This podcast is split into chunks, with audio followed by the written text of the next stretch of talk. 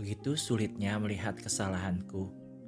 Senin 4 April bacaan Injil diambil dari Yohanes 8 ayat 1 sampai dengan 11. Maka ahli-ahli Taurat dan orang-orang Farisi membawa kepadanya seorang perempuan yang kedapatan berbuat zina. Mereka menepati perempuan itu di tengah-tengah lalu berkata kepada Yesus, "Rabi, perempuan ini tertangkap basah ketika ia sedang berbuat zina." Musa dalam hukum Taurat memerintahkan kita untuk melempari perempuan-perempuan yang demikian. Apakah pendapatmu tentang hal itu? Dan ketika mereka terus-menerus bertanya kepadanya, ia pun bangkit berdiri lalu berkata kepada mereka, "Barang siapa di antara kamu tidak berdosa, hendaklah ia yang pertama melempari batu kepada perempuan itu."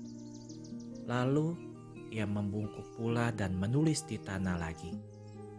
Tetapi setelah mereka mendengar perkataan itu, pergilah mereka seorang demi seorang, mulai dari yang tertua.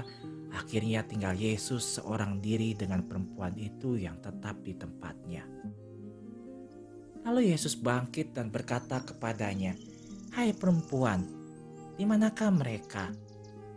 Tidak ada seorang yang menghukum kau?" Jawabnya, "Tidak ada Tuhan." Lalu Yesus berkata lagi, "Aku pun tidak menghukum engkau. Pergilah dan jangan berbuat dosa lagi mulai dari sekarang." Oh Tuhanku, Engkau Maha Penyayang, kasihanilah kami orang berdosa ini.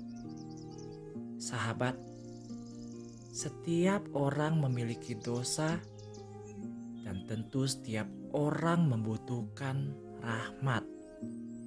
Masalahnya bukan karena wanita itu berdosa, tetapi ahli Taurat dan orang Farisi berpikir bahwa mereka tidak berdosa.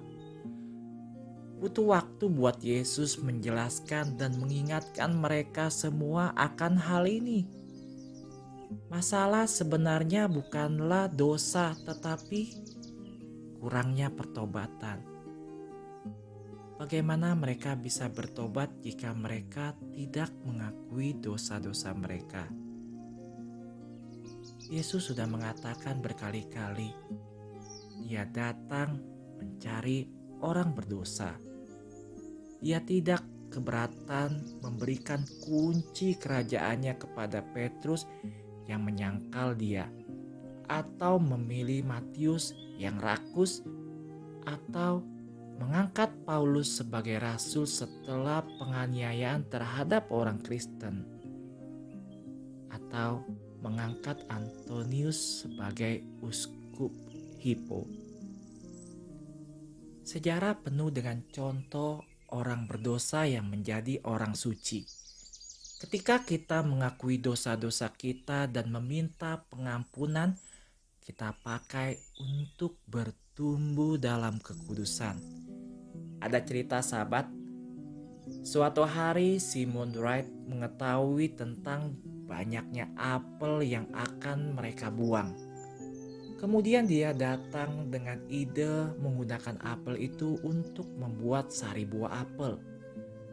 Hawkes cider sekarang dijual di seluruh Inggris ini adalah salah satu contoh bisnis berdasarkan prinsip dari sampah menjadi uang atau bagaimana menghasilkan keuntungan dari sampah. Itulah yang kita lakukan. Secara supernatural ketika kita pergi ke pengakuan dosa, Tuhan mengambil dosa-dosa yang kita akui dia meletakkannya di kayu salib selama misa kudus dan mengubahnya menjadi rahmat. Maria, Bunda Pengasih, semoga saya selalu pergi ke pengakuan dosa dengan penyesalan, mengizinkan Yesus untuk mengarahkan senjata musuh melawan dan mengubah dosa-dosa saya menjadi rahmat untuk mengalahkan dosa. Bunda Maria harapan kita dan tata kebijaksanaan, doakanlah kami.